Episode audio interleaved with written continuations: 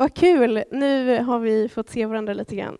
Och det är så viktigt att vi, vi gör så här, för gudstjänst det gör vi liksom tillsammans. Det är inte bara vi som står här framme som gör gudstjänst, utan det är alla vi som samlas här tillsammans som Guds folk och får fira gudstjänst tillsammans inför vår Gud. Eller hur? Visst är det bra? Och min bön idag är verkligen att vi ska få sitta vid Jesu fötter och få ta emot vad han har att säga till oss. Och jag hoppas att det kanske är lite det som jag kommer snacka om, men om Gud leder dig på någon annan väg så följ med och lyssna på det som han har att säga. Och jag vill bara säga det, oavsett om, nu är vi ju mitt i sommaren, oavsett om du har semester eller om du jobbar, så vill Gud möta dig idag. Och han tar inte semester, han tar ingen paus på sommaren. Han är inte 100% svensk som vi är. Eh, och om ni undrar varför ni inte har sett mig och Aron på ett tag så är det för att vi har varit på semester. Vi har precis kommit tillbaka från en fantastisk resa i Norge tillsammans med min farmor och hennes man. Och vi har bara fått haft det så gött. Vi har fått se berg och fjordar och vi har inte haft det varmt och det har varit perfekt. Jag älskar det med Norge. Vi hade 15 grader i Bergen och det var toppen sommar. Jag hörde att ni har haft lite varmare här. Och när vi var i Norge så hälsade vi på min pappas hemförsamling. Min pappa är från Norge. Eh, och den ligger i Bergen och heter Tabernaklet. Och då fick vi lyssna på en fantastisk predikan på norska. Eh, och det var väldigt härligt och jag vet inte om det är för att det är liksom mitt andra språk, men jag blev lite extra salig av norskan. Och då, han som predikade där, pastorn, han drog en så sjukt bra liknelse, så jag tänker bara sno den rakt av och berätta för er idag. Eh, för att den talade så mycket till mig och fick mig att se Guds ord på ett litet annat sätt. Och han sa så här att Bibeln, den här boken som vi läser och som vi lever efter, och som vi tänker är Guds ord, det är som en instruktionsbok till en bil. På det sättet att liksom, i instruktionsboken där står det vad bilen har för bränsle, där står det vad det är för bil, om den har automat, diskväxellåda eller om den är manuell. Där står det liksom hur det funkar, samma sak, är det liksom en automatisk handbroms eller är det en manuell? Det står hur långt den har gått, det står hur långt den liksom ska gå. I instruktionsboken får man liksom reda på hur använder vi den här bilen? Och lite så är det med Bibeln, att här i får vi reda på hur vi ska leva det här livet, hur vi ska använda oss av det som vi har fått. Men instruktionsboken berättar ju inte vart man ska, eller hur? Den, eh, den säger ju liksom inte sväng här, kör här, utan den berättar bara hur det funkar. Och där så behöver man kanske ha en GPS. Vi hade väldigt mycket GPS när vi körde i Norge, för, för Aron har ju aldrig kört där förut. Och GPSen säger ju kör rakt fram i två mil, sväng höger. Liksom. Men om man kör fel, då blir ju inte GPSen arg på dig och bara nu körde du fel, vad dum du är. Utan GPSen säger bara om 400 meter, gör en U-sväng. Och GPSen är som den helige Ande.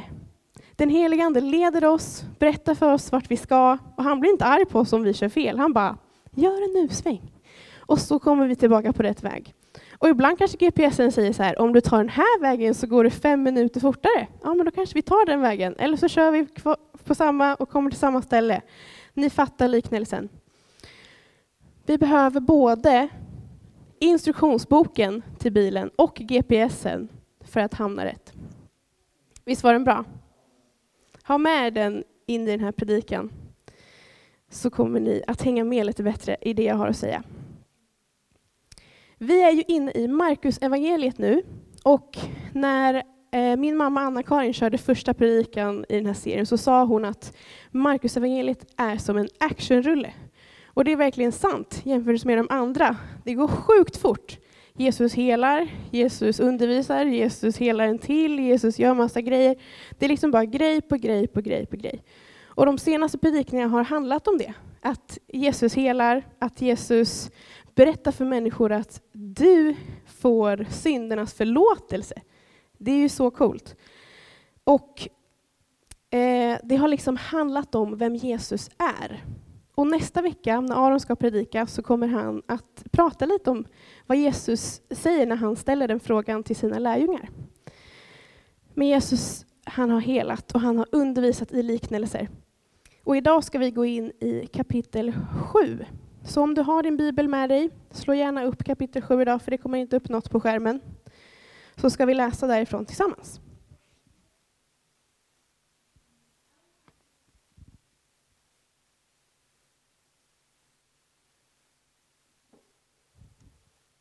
Jag kommer att läsa från en översättning som heter The Message, som inte är precis eh, direkt översatt, utan det är en parafras, så man förstår lite bättre vad det står. Jag läser från vers 1 i kapitel 7. Fariseerna och några skriftlärda från Jerusalem samlade sig kring honom. De märkte av att hans lärjungar inte var så noga med den rituella handtvättningen innan de åt. Fariseerna själva och judarna överhuvudtaget åt aldrig utan att tvätta händerna som seden bör. Och inte utan någon, några extra gnuggningar om de kom hem från marknaden, för att inte tala om hur de skrubbade sina muggar och kannor och grytor. De här fariséerna var supernoga med renlighet. Och grejen var att de hade ingen aning om vad bakterier var, måste jag bara tillägga. Utan de var supernoga med renlighet för att de hade läst i Guds lag att det var så man skulle göra om man var en bra jude. Och så ställer de den här frågan till Jesus. Varför bryter dina lärjungar mot reglerna? Ville nu fariseerna och de skriftlärda veta. Varför går de till bords utan att tvätta sig?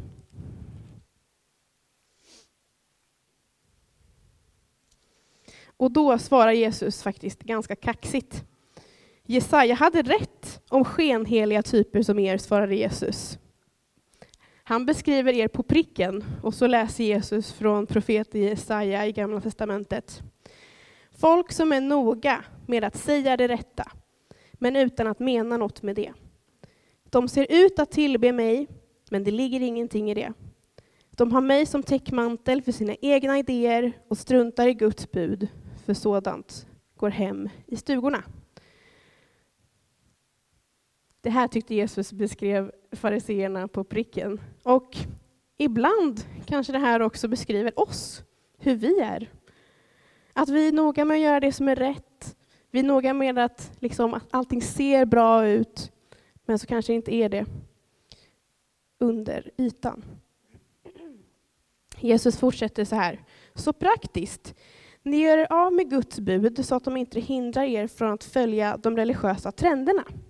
Mose sa, visa respekt för dina föräldrar och den som uttalar förbannelse över sina föräldrar ska döden dö. Men ni påstår att det är okej att säga till en pappa eller mamma, ge och ge. jag har redan lovat Gud det du skulle haft. Och då skulle man vara löst från sina plikter mot föräldrarna. Ni suddar ut Guds ord och klottrar dit egna påfund istället.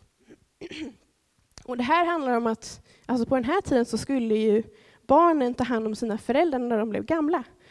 De hade inga äldreboenden eller staten som vi har att ta hand om oss när vi blir äldre, utan det skulle barnen göra. Men då fanns det att fariseerna hade lagt till en lag att istället för att ta pengar och lägga på sina föräldrar så tog man alla de pengarna och gav till templet. Och så fick deras gamla liksom leva på gatan. Och det hade blivit lite fel där, menar Jesus. Och sen så ropar Jesus till sig allt folk efter den här diskussionen. Och så börjar han predika för dem och så säger han så här. Hör på allihopa, lägg det här på minnet. Det är inte det som ni stoppar i er som förorenar era liv. Det är det ni spyr upp, det är det som är den verkliga smutsen. När han kom hem efter det mötet med massor så frågade lärjungarna vad han menade bokstavligen, för de hade ju tydligen inte fattat vad, Gud, vad Jesus menade när han sa så här. Och Jesus svarade dem, spelar ni dumma? Fattar ni inte att det ni stoppar i er inte kan förorena er? Och då menar han liksom andligt, det kan inte göra er orena.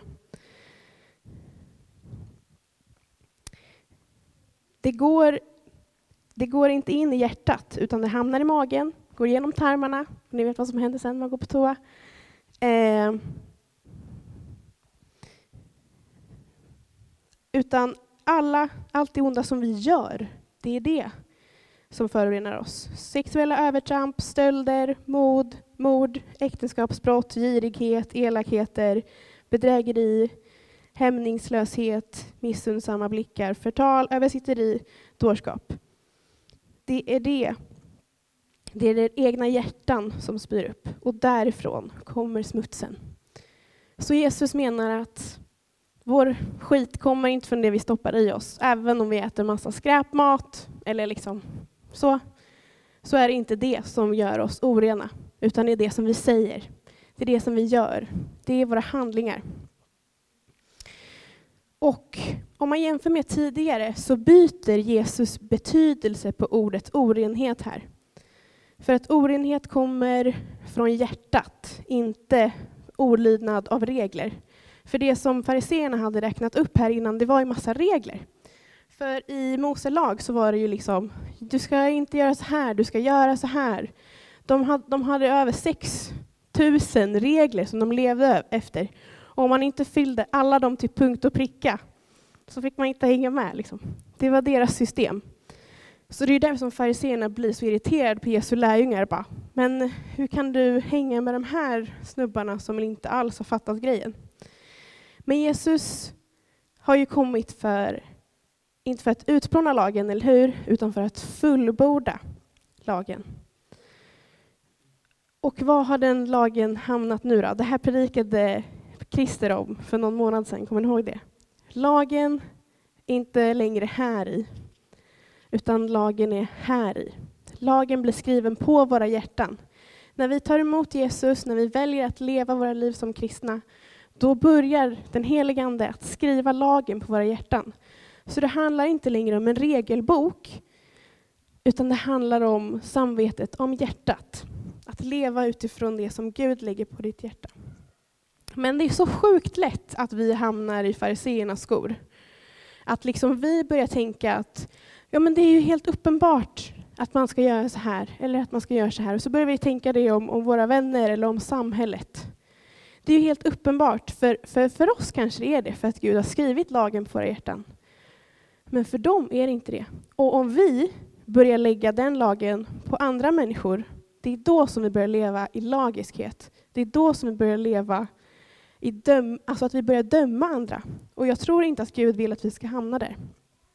För vår uppgift är inte att döma. Vår uppgift är att gå bredvid människor och vi lever tillsammans med Jesus och pekar på honom så ser de att vi lever annorlunda. Men det är svårt. Det är jättesvårt. Och allt det här fick mig att tänka på en en annan gång med Jesus. För Jesus han hängde ju, han gillade ju inte att hänga så mycket med de här laglärda. Han, han bara stör sig på dem hela tiden. Han gillade ju att hänga med de som inte var perfekta. Hans lärjungar var ju liksom outbildade fiskare, de var tullindrivare, de var liksom sådana människor som folk inte ville hänga med, basically. Och jag tror det är så lätt att vi ibland bara, bara omger oss med människor som tänker som oss. Människor som är som oss, som kanske också är kristna, och så tänker vi att ja, men de där som inte är som oss, de vill vi inte vara med. De är konstiga. Liksom. Men så tänkte inte Jesus. Och en så tydlig gång, det är bland det sista Jesus gör. Jesus hänger på korset och det hänger en snubbe bredvid. Och alltså, han, den killen, jag tror inte att han var perfekt på något sätt. För att enligt eh, liksom, hans världslagar så hade han ju blivit dömd för att han var en brottsling. Han hade ju varit kriminell, han hade ju gjort massa saker som var mot lagen. Så när vi ser på honom så skulle vi säkert sett, ja men det där är liksom en, en kriminell person. Och han kanske hade gjort massa dumma val i sitt liv och det var därför han hängde där. Han hade fått sitt, sitt straff här på jorden. Men så har han ett ögonblick när han ser på Jesus och så vänder hans hjärta mot Jesus och så säger han bara Tänk på mig. Det var det enda han sa. Han sa bara tänk på mig. Och den enda tanken av att han vände sig mot Jesus gjorde att Jesus sa Du och jag kommer ses snart igen. Liksom. Han kanske hade levt hela sitt liv och bara liksom lurat människor. Men en enda tanke gjorde att Jesus sa du ska hänga med. Förstår ni vilken kraft det är i omvändelsen? Och då hade Jesus inte ens dött för hans synder än. Liksom. Han skulle göra det alldeles strax. Det finns kraft i omvändelse. För grejen är ju att alltså Jesus tar det här steget längre. Han pratar inte bara om att ja, vi ska inte bara säga eh, bra saker. Vi ska också tänka bra saker. Eller hur? Han säger liksom att han drar ännu längre. Om du ens tänker en tanke så har du begått synden. För oftast tror jag att vi, vi sköter oss ganska bra. Jag tror inte så många av oss som är liksom kriminella eller liksom gör massa dumma grejer. Utan vi liksom lever våra liv och sköter oss ganska bra. Vi kanske säger lite dumma saker ibland. Men Jesus säger att det liksom handlar om tanken till och med. Och här blir det så sjukt tydligt att det handlar ju inte om oss. Eller hur? För vi kan ju liksom inte helt plötsligt bara få 100% goda tankar, eller hur? Från ingenstans så här. När vi blir frälsta så bara, ah, helgon. Det är inte så det funkar. För det som Jesus betonar när han säger det, det är ju att vi är så sjukt beroende av Gud. Vi är 100% beroende av Gud. Alltså liksom, det handlar inte om, du kan inte frälsa dig själv. Du kan inte leva ett liv som gör att du liksom bara, check, 100% perfekt frälst. Nej, vi är sjukt beroende av Gud. Och jag tror väldigt ofta att vi får någon slags skuld eller skam när vi gör dumma grejer också. När vi kommer in i dåliga mönster så tänker vi så här, ja men nu vill inte Gud vara med mig. Nu har jag gjort massa dumma saker, nu har jag tänkt massa dumma tankar. Men vet ni vad? Det finns ingen skuld eller skam eller rädsla som är större än nåden. För att nåden är så stor. Och när Gud ser på oss så ser han inte bara alla vi här, utan när han ser på oss så ser han på oss genom Jesus. Han ser på oss genom Jesu offer på korset. Genom Jesu blod så har vi blivit tvättade rena. Det är som, vi har liksom det här blodfiltret, det låter lite obehagligt, men alltså när Gud ser på oss så ser han på oss genom Jesus, vilket gör att all vår synd, all vår skit är köpt. Är, är liksom köpt på korset för våran skull. Gud ser dig genom Jesus, så du behöver inte, du behöver inte skämmas, du behöver inte ha din skam. För jag brukar alltid göra den här bilden, men jag gör den igen. Alltså Gud är alltid vänd mot dig. Gud är alltid vänd mot dig. Så om du liksom är här och bara är lite på väg åt fel håll, så fort du vänder dig om mot honom så har ni ett möte. Eller hur? Om Gud alltid är vänd mot oss, då är det ju upp till oss att vända oss mot honom. Och det är det som är omvändelsen. Du behöver bara vända dig till honom och Gud är bara en bön bort. Gud är bara en bön bort. Du behöver inte ens säga någonting. Du kan bara sucka, sucka Jesus eller sucka vad du vill. Bara du tänker att jag vill vara nära dig så kommer han att vara nära dig. Men det betyder inte att vi ska börja göra massa dumma grejer. Det vet jag att ni vet. Men när vi gör dumma grejer så finns nåden där. Och jag tror att Gud vill att våra ord ska få filtreras genom den här boken. Det är därför vi har fått den här som instruktionsbok. Vi behöver leva tillsammans med det här ordet. Vi behöver äta det. Det står till och med, judarna säger att de ska tugga Guds ord dag och natt. Och de hade lärt sig allt det här utan till från att de var fem år. Liksom. Judarna, de som är skriftlärda, kunde allt det här utan till Gamla Testamentet. Och ändå så ville de tugga på det dag och natt. Och jag tror att vi behöver ta det som utmaning att leva tillsammans med det här ordet. Även om det är semester, även om man har fullt upp. Ta chansen och läsa det här och leva tillsammans med det här. Och låt dina ord filtreras genom de här orden, genom den här boken. Och så vill jag också utmana oss att leva tillsammans med en helig Ande varje dag. För det är där som vi har omvändelsen, när vi kommer till Gud. Varje dag så vänder vi oss om till honom. Bjud in heligande i din vardag, så har du GPSen på. Så vet du vart du ska köra. Och sen så, för omvändelse är en livsstil. Det är liksom, när vi väljer att gå med Jesus, så är det en livsstil som vi väljer varje dag. Jag brukar ta liknelsen som äktenskapet. Arn och jag har gift oss och då valde vi att vara tillsammans. Och så väljer vi det varje dag. Det är vi två, vi är gifta, vi hänger ihop varje dag. Samma sak med Jesus. Från dopet så går vi tillsammans med Jesus varje dag. Lovsångsteamet, ni kan få komma upp. För ett omvänt inre, det är ett omvänt hjärta. Och Jesus sa ju det, det handlar om hjärtat. Så nu så ska vi få ta ett tillfälle att få vända våra hjärtan till Gud.